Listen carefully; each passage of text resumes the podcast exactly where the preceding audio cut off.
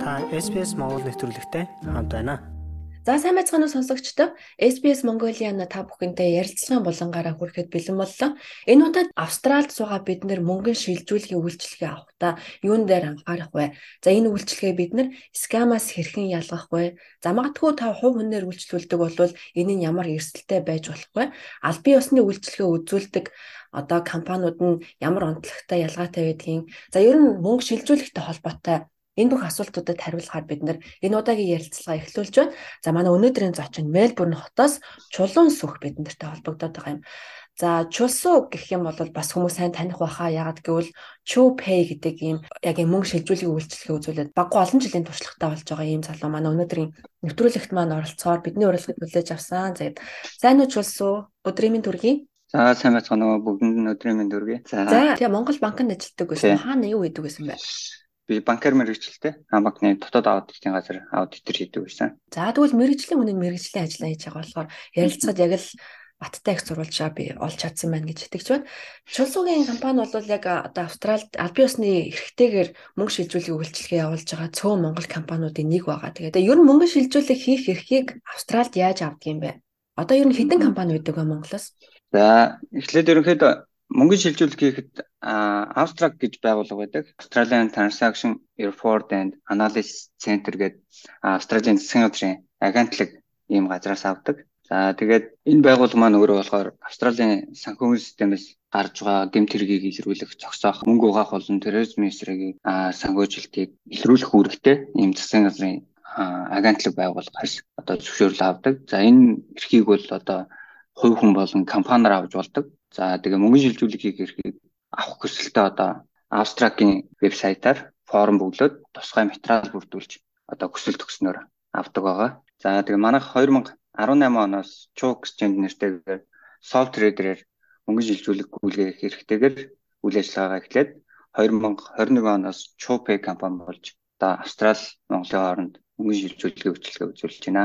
За тэгээ өнөөдрийн байдлаар миний одоо мэдчихэж байгаагаар бол одоо Австрали Монголын хооронд мөнгө шилжүүлэх үйлчилгээ үзүүлж байгаа гурван компани байна. Энд бол одоо Facebook хаягаар нас хүмүүс Facebook-аар харьцдаг энэ үйлчилгээг үзүүлдэг учраас Facebook-ийн нас дурдах хэрэгтэй байна.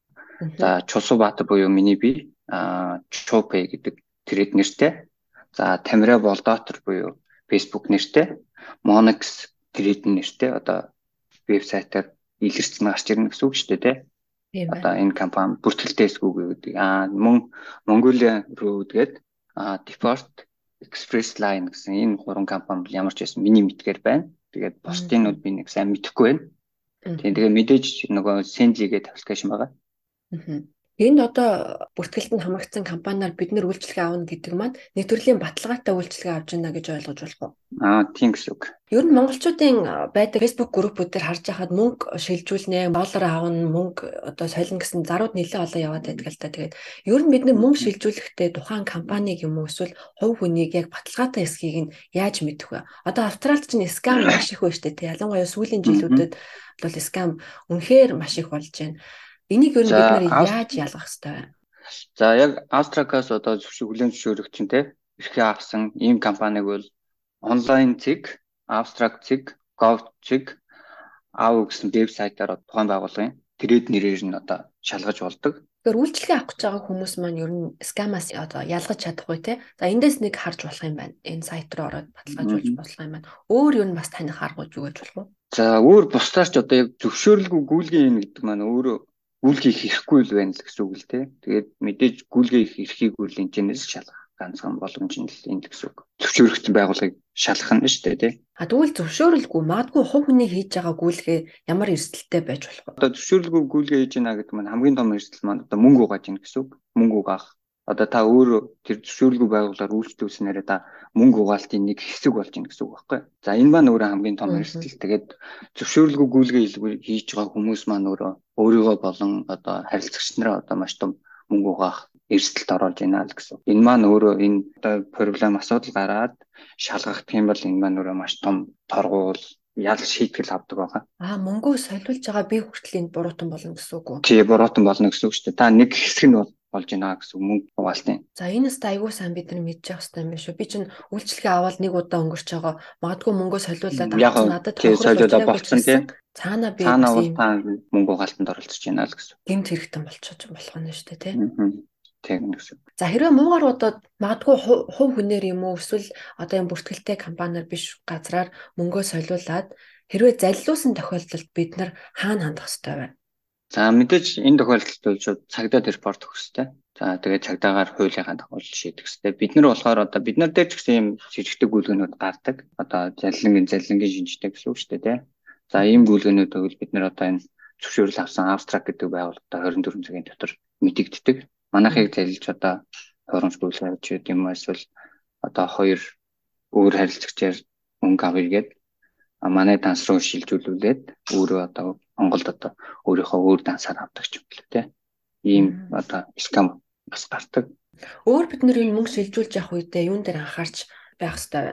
За тэгээ мэдээж таньж мэддгүүл бол хэцүү шттэ тий. Ямар ч эрсдэл гарч болно. Одоо жишээ нь мэдээж энэ мэдээлэл 900-д одоо янз бүрийн скамууд маш их болсон. Тийм учраас аль биесны байгууллагаар л үйлчлүүлээрээ одоо хэлмээр нь болно. Одоо нааха өнөөдрийн нэг төгрөг байж болно шттэ. Тэр маань ирээдүйд өөр чин ханшийн зөрүүг бол нэг амар зөрүү байдгүй. Ерөнхийдөө бол Тэгэхдээ мөнгөө шилжүүлснээр гарах эрсдэл нь өөрөө тэрнээс их маа л тэгээд хэлэх хэрэгтэй. Аншиг ер нь яаж тогтоод юм бэ? За мэдээж үндсэн аншиг бол одоо олон улсын зах зээлийн австрал доллараар ерөнхийдөө Америк долларын ханшийн нөлөөллөөр гардаг. Мэдээж Монгол онцны албан анш гэж байдаг тийм. Энэ анш маань бол одоо яг дэлхийн зах зээл дээр өнөөдөр одоо Монгол төгрөг австрал доллартай ямар тэнцүү байна вэ гэдгийг харуулдаг. Аа тэгвэл эдийн засгийн одоо нөхцөл байдлаас болж мөн одоо эрэлт нийлүүлэлтээс шалтгаалж бас ханш хэлбэлзэх юм тохиолдлууд гардаг. Аа одоо хамгийн сүүлд хамгийн тод жишээ гэх юм бол одоо Монгол одоо валютын ханжны хязгаарлалттай холбоотой нэлээ австрал доллар эрэлттэй байлаа. Яагаад гэвэл Монголоос одоо их хэмжээний дүнтэй ч гэдэг юм асуул одоо шилжүүлэх боломжгүй ч гэдэг юм уу те. Ийм байдлаас болоод нэлээ хэлбэлцэлтэй байлаа. Тэгээд бас австрал доллар маань өөрөө бас онцлогтой байлууд одоо хэлбэлцлэгтэй байдаг юм байлууд байгаа. Тийм болохоор санш манд бас нэлээд докторгүй байдаг. Ер нь энэ шилжүүлэг хийдэг компаниуд санхүүгийн бусад үйлчлэгээ үзүүлэх эрх байдгүй. Жишээлбэл одоо зээл олгомж гэдэг юм уу? Энэ Астрак гэдэг байгууллагаас бүх санхүүгийн одоо үйлчлэгээ авах зөвшөөрлийг авч болдог. Одоо даатгал, банк гэж юм уу те зээлж гэдэг юм уу бүх юмыг авч болдог. Аа гэхдээ энэ одоо тавигдах шаардлага, одоо бүрдүүлэх материал энэ зүйлүүд нь нэлээд төвхтэй гэх юм уу те нэлээд их материал шаарддаг учраас манайх бол жишээ нь одоо мөнгөний шилжүүлэх үйлчлэгийг ингээ үзүүлж ийм эрхээ авсан байдаг.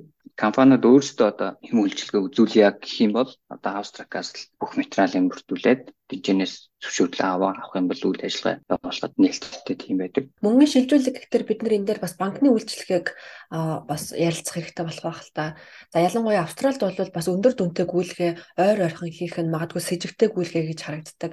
Бас магадгүй шалгагдах нэг үндслэл болдог штэ тийм ээ. Энэ талаар бас хүмүүс тайлбарлаж ярил. За яг манайхан ч нөгөө жоохон одоо сагун гүйлгэний хувьд нэлийн замраагүй гэдэг. Одоо нэг данс руу маш богино хугацаанд ч юм уу те. Дүн нэг чухал биш ярьж гисэн ингээ богино хугацаа давтамжтай одоо гүйлгээ а эсвэл ерөнхий тийм давтамжийг л их хардаг да гүйлгээний. Ягаад тийм яг тэрийг зүгээр сэжигтэй сэжигтэй гүйлгээл гэж. Скам ерөнхийдөө нөгөө скам чинь ерөнхийдөө нэг удаа хийгдсэн гүйлгээ. Одоо ингээ баг дүнгээр байт юм уу те. Дүн нэм ойролцоож байт юм уу юм олон давтамжтай хийхин өөр скам гэдэг аларм одоо банкуудын одоо тийм өөрсдийнх нь аппликейшн юмнууд дээр гарч идэг дотоод мэдээлэл дээр нь. Тэгээд бас аа манай одоо манайхан ч одоо ийм төргийн шуурхай тий хурдан ийм одоо гүлгээлхийг айгу шаардаад байдаг. Тэгээд энэ Австрали маань өөрөө бас тийм биш. Одоо зарим гүлгээг бол одоо с ิจ гтэй гэж үзэх юм биш үү зогсоодог ч байт юм уу тий. Ийм байдаг учраас бас гүлгээнтэй алдараа бас анхаарч ихэнх зүйтэй. Ямар давтамжтай яаж гүлгээгээ өөрийгөө дансаа удирдах уу гэдэг нь бас чухал юм байдаг. Тэгвэл данс удирдах тал дээр бас зөвлөгөө өгч болсон. За ерөнхийдөө зүгээр яг хэрэггүй манайхан одоо ингээд нөгөө нэг нэгэн рүүгээ ч гэдэг юм те? Ингээд мөнгө зээлээд ингээд хэрэггүй гүйлгэнүүд хийдэг гэх юм да те? Одоо шаардлагагүй гүйлгэнүүд тий тийм гүйлгэнүүдэл баг хийх хэрэгтэй л миний зүгээс бодож байна да. Тэрнээсээр бол үнэхээр хүн санхүүгийн шаардлагатай бол бас хийхгүй хийхгүй гэж хэлж болохгүй шүү дээ те Шаардлагагүй гүйлгээхтэр одоо жишээлбэл мөнгө одоо нэгнээсээ зээлээд буцаагаад өгөх эдэр гэдгийг нэрлэж байна уу? Яг юуг шаардлагагүй? Тий, бараг л Тий, тэр чинь бас ингээд сэжигтэй гүйлгээ аахгүй юу? нэг рүүгээ нь ижил дүнтэй гүйлгээ хийгээд буцаагаад хийх нь бас бас сэжигтэй гүйлгээ гэж үзэгдэнэ. Тэгээд хэрвээ одоо минийхийг шалгана гэвэл ямар нэгэн тийм notification ирэх үү? Яаж намайг шалгаж байгааг бид нар яаж мэддэг вэ? Ерөнхийдөө гүйлгээг л зарцаад гэл та. Одоо гүйлгээг одоо шууд орохгүй байдлаар ч гэх юм те. Гүйлгээ чинь хийгдэхгүй транзакшн одоо удаан хийгдчихлээ ерөнхийдөө шалгаж байна л гэсэн. Pending гэдээ байгаад байдаг те заримдаа. Тэгээ pending үйл яг ерөнхийдөө хоёр талтай. Нэг нь одоо таныг санхүүгийн талаас эрсдлээс хамгаалж ин та энэ гүйлгээ хийсэн үгүй юу гэдгийг тодорхой хугацаанд мэдэх боломжтой, буцаах боломжтой гэсэн үг. А нөгөө талаас одоо банк өөр шалгаж байна гэсэн. Чулсуу бас өмнө нь Монголд банкны салбарт ажилладаг байсан хүний хувьд Австралийн банкны салбаруудыг бас мэдээж харж ажиглаж үйлчлэгийг нь бас ажиглаж яадаг баг те. Тэгээд магадгүй бас бидний анхаарчтай сонголтоо хийх гэж байгаа хүмүүст бас зөвлөвөл. Мэдээж банк сонголтын дээр бас анхаарах хэрэгтэй. Тухайн банк маань ямар яг одоо чиглэл гэдэг юм уу те сегментэд одоо зориулагдсан банк вэ гэдгээс бас хамаарат энэ чинь үйл ажиллагаанууд нь өөр байдаг. Тийм учраас тэрдлийг харж бас сонгол их зүг байл гэж да. За тэгээд цаг зав гаргаж ярилцсан чулсууд маш их баярлалаа. Бид нар яхаар гуйнд ажил хийгээд олсон орлогоос Монгол төлцөн гэр бүлдээ аль болох туслахыг хичээдэг. Ер нь мөнгө шилжүүлэх үйлчлэгээ гэдэг бол баргал бидний өдөр тутам магадгүй сар болгон 7 хоног болгон энэ үйлчлэгийг авдаг. За магадгүй нэг Хүний үйлчлэгээ аваад идэг өөрөө цаанаа бас гэмт хэрэгтэн болоод иж магадгүй юм биш үү гэдгийг ч бас бид нэр энэ ярилцлагаас маш сайн ойлгож авлаа. Тэгээд бидний цаг цаг гаргаж ярилцсан шулсуудаа маш их баярлалаа. Амжилт хүсье цаашдаа ажил. За баярлалаа. Бүгдэнд нь ажлын амжилт хүсье. За баярлалаа. Баяртай. За баяртай. Apple Podcast дээр манай нэвтрүүлэгт үнэлгээ өгнө үү? Энэ манай нэвтрүүлгийг хайж олоход бусдад бас туслах юм.